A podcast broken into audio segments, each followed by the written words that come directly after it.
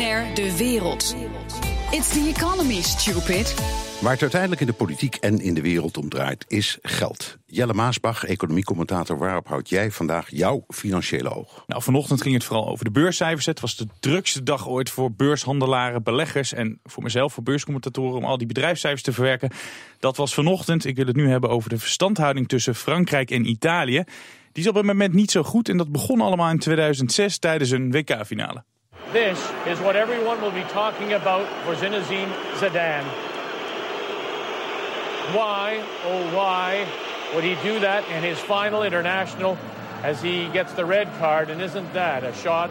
Zinedine Zidane walking by the World De kopstoot. Precies, Juist. kopstoot van Zinedine Zidane. De, de held, de legende die op de borst van de Italiaanse middenvelder Marco Materazzi kopte. Sinds die kopstoot zijn ook gelijk de verhoudingen tussen de twee economieën bekoeld.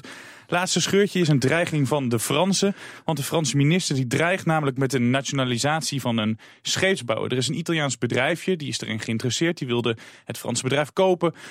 Maar nu zeggen de Fransen, als jullie niet aan onze eisen voldoen, dan nationaliseren we de boel. Nou, en dat zorgt voor heel wat chagrijn vanuit, eh, vanuit Rome. Maar eh, hoe, kun je, hoe kun je een verband leggen tussen eh, dat enorme incident met die kopstoot en, en, en, dit, en deze Ik zal me- Franse wraak? Ik zal hem even wel uitleggen. Dat was natuurlijk voetbal, dat is elf jaar geleden. Maar sindsdien zijn er heel veel dingen gebeurd. Eigenlijk eh, wat die Italianen heel erg dwars zit.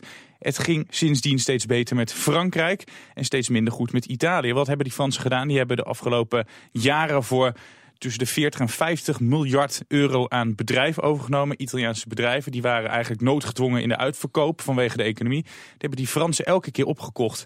En nu wilden de Italianen een keer wat doen. Nu gaat het niet goed. En zeggen ze, dat is een beetje een politiek verhaal. De relatie tussen Parijs en Berlijn is heel erg goed. Sinds de overwinning van eh, Macron.